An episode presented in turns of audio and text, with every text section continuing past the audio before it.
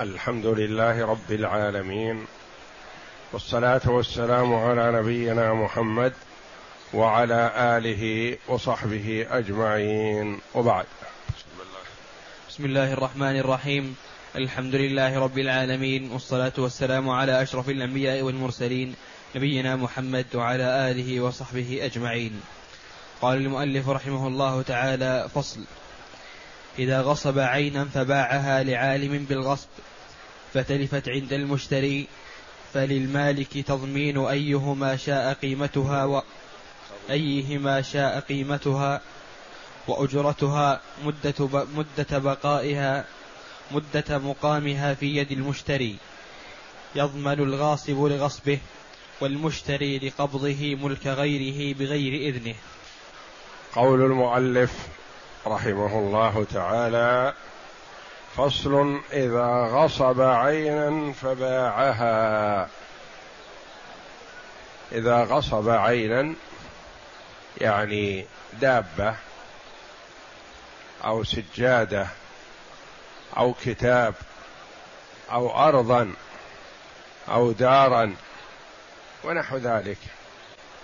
فباعها يعني نقلها عن ملكه وعن ملك مالكها. باعها فلا يخلو. إن كان المشتري عالما بالغصب فعليه تبعتها ولا تؤول إليه ولا يعذر بشيء من أفعاله نحو هذه العين المغصوبة. أما إن كان جاهلا بغصبها ولا يعلم عن ذلك فهو معذور بهذا وعليه ما يلزمه من قيمة متلف ونحو ذلك ولا يلزمه ما ترتب على البيع إذا لم يعلم أنها مغصوبة. ويتضح هذا بالمثال. إذا غصب عينا فباعها لعالم بالغصب فتلفت في يد المشتري. فللمالك تضمين أيهما شاء قيمتها يضمنه القيمة. وأجرتها مدة مقامها في يد المشتري. يضمن الغاصب لغصبه والمشتري لقبضه ملك غيره بغير إذنه. اغتصب بعيرا. فباع هذا البعير. ثم تلف. ثم هيأ الله يد حاكم قوي فأخذ على يد الغاصب ومن اشترى منه وألزمهما برد حق المغصوب منه. فيقال للمالك الذي هو المغصوب منه أنت بالخيار. إن شئت ضمن الغاصب نفسه لأنه هو الذي غصب مالك.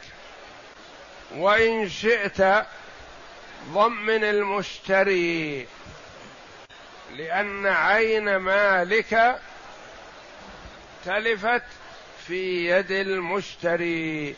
فمن حقك أن تضمنه. انتبه فإن ضمن الغاصب فهو الذي تعدى عليه واغتصب ماله فمن حقه أن يضمنه فيقال له اغتصبت بعير فلان فيقول نعم وأريد الرد الآن الزمن الحاكم بالرد. لكن البعير تلف. فيقال يلزمك قيمته ما دام ليس مثلي منضبط. فيلزمك قيمته. ثم أنت أيها الغاصب إن شئت أن ترجع على من بعته عليه فأنت لك ذلك. فللمالك تضمين أيهما شاء.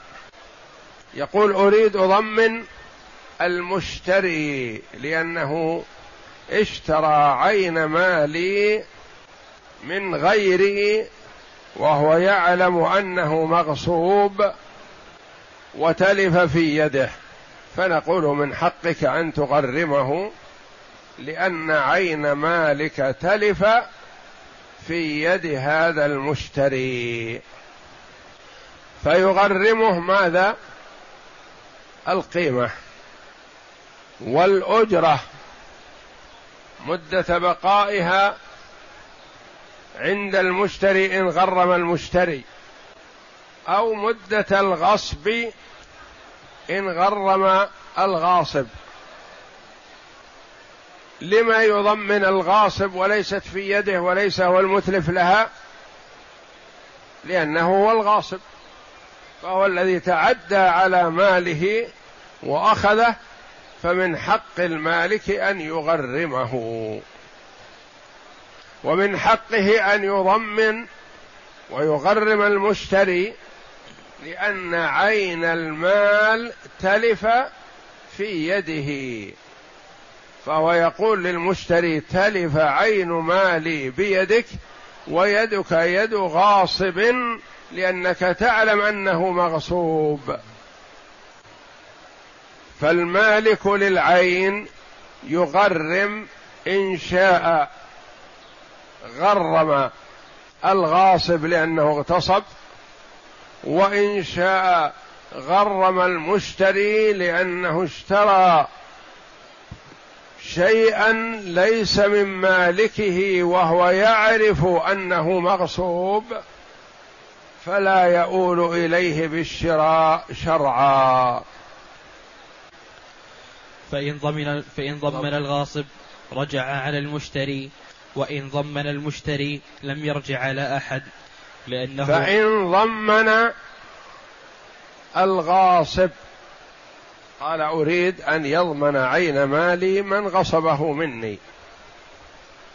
فالغاصب من حقه أن يرجع على المشتري لأن العين المال تلفت في يد المشتري. فهو يقول أنا بعت عليك شيئا لا أملكه وتلف في يدك فيلزمك ضمانه. وإن ضمن المشتري لم يرجع على أحد لأن المال تلف في يده وعليه ضمانه. وإن ضمن المشتري لم يرجع على أحد لأنه غاصب تلف المغصوب في يده فاستقر الضمان عليه كالغاصب إذا تلف تحت يده. مثل الغاصب نفسه لأنه يعلم أنه مغصوب. فهو شريك للغاصب في هذا. نعم. فأما أجرتها أو نقصها قبل بيعها فعلى الغاصب وحده لا شيء على المشتري منه على المشتري منه. فأما أجرتها فالأجرة من زمن الغصب إلى البيع على من؟ على الغاصب لأنها في يده. ومن بعد البيع إلى تلفها يكون على المشتري. فمثلا اشترى اغتصب بعيرا من صاحبه في محرم. وفي شهر صفر في آخره باع البعير على شخص يعلم أن هذا البعير مغصوب. وفي شهر رجب تلف البعير. وفي شهر شعبان حكم الحاكم للمالك بأن يضمن أيهما شاء. والتزم الغاصب والمشتري بالضمان. فأجرة البعير من محرم إلى صفر على الغاصب لأنه كان في يده. وأجرته من بعد صفر إلى تلفه في رجب على الماء على المشتري لأنه تلف في يده. ومن رجب إلى شعبان ليس له أجرة لأنه تالف غير موجود. فأما أجرتها أو نقصها قبل بيعها فعلى الغاصب. ومثله النقص مثلا اغتصب البعير وقيمته مثلا خمسة آلاف لأنه قوي صحيح وجميل وذا قيمة غالية. أهمله الغاصب فنقصت قيمته ثم باعه بعد شهرين أو ثلاثة على المشتري. أرش النقص هذا من الغصب إلى البيع على من؟ على الغاصب لأنه هو الغاصب والعين في يده. لا شيء على المشتري من ذلك. يعني النقص قبل البيع والعرش قبل البيع والأجرة قبل البيع ما على الماء ما على المشتري منها شيء وإنما هي على الغاصب لأنه هو المتعدي. نعم. وإن كان جارية فوطئها لزمه الحد والمهر وردها مع ولدها وأجرتها وأرش نقصها وولدها رقيق لأن وطأه زنا فأشبه الغاصب. إن كان المغصوب أمه فباعها الغاصب على من يعلم أنها غصب. عرضت في السوق وبيعت رخيصة لأنها مغصوبة وهذا يعلم أنها مغصوبة واشتراها فوطئها. هل يحل له الوطء بهذا الشراء؟ لا لأن هذا شراء غير صحيح. فوطئه حرام. وإذا كان حرام فهو زنا. وإذا كان زنا ففيه الحد. يقام عليه الحد. هذا المشتري حسب حاله. إن كان ثيب فالرجم بالحجارة حتى الموت. وإن كان بكر فجلد مئة وتغريب عام. لزمه الحد ولزمه المهر.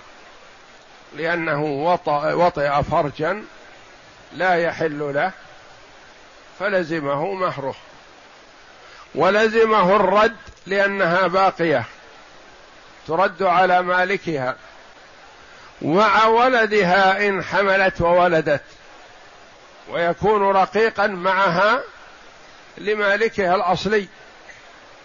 وهذا الذي يقول هذا ولدي نقول لا ليس بولدك لأنه ولد زنا. وولد الزنا لا ينسب لأبيه حتى لو عرف. يجهل بعض الناس فيظن أنه إذا زنى بامرأة مثلا وحملت وهو يعرف أن هذا الحمل له قال هذا ولدي. نقول لا هذا ليس بولدك هذا ولد زنا. وولد الزنا لا ينسب لأبيه. فالولد حتى لو عرف أبوه وأبوه حر فإنه يكون رقيقا مع أمه ملك للمالك الأصلي لأمه. وأجرة بقائها في يد المشتري لا بد أن يدفعها المشتري للمالك. إذا كان لها أجرة عادة. وأرش نقصها يدفعه المشتري للمالك كذلك لأنه حينما أخذها وهي ثيب أخذها حينما أخذها وهي بكر ثم أصبحت عنده ثيب وحملت وولدت فهي نقصت قيمتها. إن كان هناك نقص فيلزمه أرش هذا النقص فيلزمه المهر والحد والرد مع ولدها ويلزمه إجرتها وأرش نقصها وولدها رقيق لأنه وطء زنا فأشبه الغاصب. نعم. وإن لم يعلم المشتري بالغصب فلا حد عليه وولده حر وعليه فداؤه بمثله يوم وضعه لأنه مغرور. فأشبه ما لو تزوجها على أنها حرة. نعم. وإن لم يعلم المشتري لأن تلك الأحكام كلها في حال علم المشتري أن هذه العين أيا كانت دابة دار أمة سجادة متاع بيت في حال علم المشتري بأن هذه الغي العين مغصوبة. فتلك أحكامها. لكن إذا لم يعلم أنها مغصوبة عرضت في السوق. وحضر من ضمن من حضر من أهل السوق. ودفع أهل السوق القيمة. تزاودوا فيها فاشتراها واحد منهم. ما يعلم أنها غصب. ثم تبين أنها غصب. فهل نقول إن وطئها إذا كانت أمة عليه الحد؟ قل ما علمت. أنا اشتريت ملك يمين. اشتريت ملك يمين من مالكها. جاء مالكها آخذا بيدها وعرضها في السوق وبيعت. فاشتريتها أنا ودفعت القيمة. فأنا حينما وطأت هذه الأمة وطأتها على أنها ملك يمين. صحيح. والنبي صلى الله عليه وسلم قال تدرأ الحدود بالشبهات. فالحدود تدرأ بالشبهات. أي شبهة تعرض تمنع من إقامة الحد إذا كانت مثلها ممكن. إذا شرب خمرا وسكر مثلا وقال ما علمت أنا أنها خمر. وجدتها في الثلاجة وشربت على أنها عصير على أنها عصير حلال. ومثله يجهل ذلك فلا يقام عليه الحد. وهكذا أي حد يحصل بدون علم من أتاه مثلا فإنه لا يقام عليه الحد إذا سرق مالا لعمر مثلا وعمر ووالده شركاء في بعض أنواع المال فهو أخذه يظنه لوالده. ثم تبين أنه لأجنبي أو أخذه يظنه لولده. فتبين أنه لأجنبي فلا يقام عليه حد في هذه الحال لأن الحدود تدرأ بالشبهات. وإن لم يعلم المشتري بالغصب فلا حد عليه. يعني لو وطئ الأمة ما يحد لأنه يجهل أنها مغصوبة. وولده حر لأنه بوطء مباح له. لكنه الأصل أنه يتبع الأمة هذه.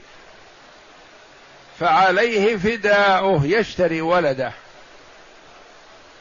يشتري ولده بالمثل أو بالقيمة وتوضع مع الأمة.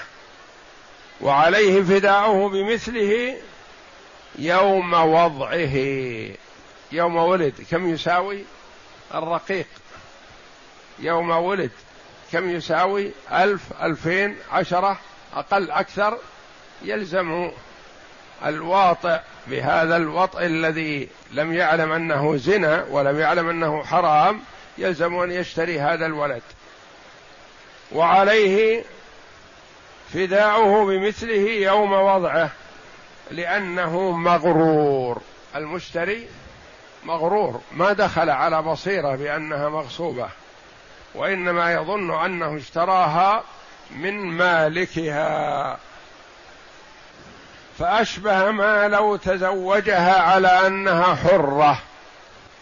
ما يصح أن يتزوج الحر أمه إلا بشروط. أن يعجز عن مهر حرة وعن قيمة أمه ولا يستطيع الصبر فله أن يتزوج الأمة بشروطها. لكن هذا اشتراها ووطئها يقول حكمه حكم ما لو اشتراها على أنها أمة على أنه ما لو تزوجها على أنها حرة فتبينت أنها أمة. فعليه فدية ولده لأن الحر ما يتزوج إلا حرة. فتزوج هذه على أنها حرة ثم تبين أنها مملوكة وأنجبت له ولد. فهل ولده يكون رقيق؟ لا لأنه ما دخل على بصيرة وإنما ولده حر وعليه فداؤه. مثل من اشترى يجهل أنها مغصوبة. من تزوج يجهل أنها أمة فتبين أنها أمة فولده حر وعليه فداؤه. وللمالك تضمين أيهما شاء مثل الحالة السابقة. له أن يضمن الغاصب لأنه تعدى على ماله وله أن يضمن من هي بيده بالنسبة للولد وعرش البكارة وما إلى ذلك؟ لأنه هو الذي فعل هذه الأفعال. نعم. وللمالك. وللمالك تضمين أيهما شاء لما ذكرنا. أيهما أيهما. شاء لما ذكرنا. فإن ضمن الغاصب تضمين تضمين أيهما أيهما لأن تضمين مضافة وأي مضاف إليه وأي في هذه الحال معربة. فإن ضمن الغاصب. أي كما ما لم تضف وصدر وصلها ضمير انحذف. فهي هنا ليست مبنية بل هي معربة. وتضمين أي أيهما تضمين أيهما شاء. تضمين مضاف وأي مضاف إليه. نعم. وللمالك تضمين ايهما شاء. لما ذكرنا فإن ضمن الغاصب رجع رجع على المشتري بقيمة العين ونقصها وأرش بكارتها. فإن ضمن الغاصب قال هذا هو الذي أخذ مالي من يدي قهرا. ضمنه فالغاصب يرجع على من باعها عليه بالقيمة وبالأرش النقص لأنه وقع في يده واستعمل شيئا لا يحل له استعماله. فعليه القيمة وعليه أرش البكارة إذا كان هو أزال بكارتها. نعم. لأنه دخل مع البائع على أن يكون ضامنا لذلك بالثمن. لأنه مشتري. والمشتري ضامن بالثمن. فهي فهو شريك للغاصب في هذا في الضمان دون الإثم. لأنه ما دخل على أنه غاصب وإنما دخل على أنه يدفع القيمة. نعم. فلم يغره فيه ولا يرجع عليه ببدل الولد إذا ولدت منه. ونقص الولادة. لأنه دخل معه على ألا, ألا يضمنه فغره بذلك. فأما ما حصلت له به منفعة ولم يلتزم ضمانه كالأجرة والمهر ففيه روايتان. إحداهما لا يرجع به لأن المشتري دخل معه في العقد على على أن يتلفه بغير عوض. يعني لا يرجع الغاصب على المشتري. لأن الذي انتفع بهذا الانتفاع هو آه، في هذه الحالة لأن المال الغاصب لا يرجع على المالك على المشتري. بهذا الأرش لأنه دخل على أنه مباح له وأنه دفع القيمة. فالقيمة مقابل هذا الانتفاع. نعم فأما فأما ما حصلت له. فأما ما حصلت له به منفعة ولم يلتزم ضمانه كالأجرة والمهر ففيه روايتان. إحداهما لا يرجع به لأن المشتري دخل معه في العقد على أن يتلفه بغير عوض فقد غره فاستقر الضمان على الغاصب كعوض استقر الضمان على الغاصب لأن الغاصب هو الذي غر المشتري بأنه سول له وأملى له بأن هذه ملكه. والحقيقة ليست كذلك فالغاصب هو الغار للمشتري فيكون هذه الضمانات على الغاصب نفسه. نعم. كعوض الولد.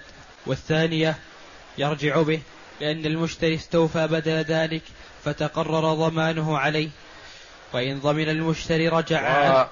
والرواية الثانية أنه يرجع به لأنه هو الذي انتفع الذي هو الماء المشتري. المشتري هو الذي انتفع فيرجع عليه به الغاصب عندما يضمن المالك الغاصب نفسه. نعم. وإن ضمن المشتري رج وإن ضمن, وإن ضمن المشتري رجع على الغاصب بما لا يرجع به الغاصب عليه لأنه است... يكون على الغاصب. لأن في أشياء يرجع الغاصب على المشتري وأشياء لا يرجع. فيرجع فإن ضمن المشتري رجع المشتري على الغاصب بما لا يرجع به الغاصب على المشتري. وأما ما يرجع به عليه فلا يرجع لأنه هو الذي يلزمه ضمان ذلك. لأنه استقر ضمانه على الغاصب ولم يرجع بما يرجع به الغاصب عليه لأنه لا فائدة في رجوعه عليه بما يرجع به الغاصب والله أعلم. وصلى الله وسلم وبارك على عبده ورسول نبينا محمد وعلى آله وصحبه أجمعين.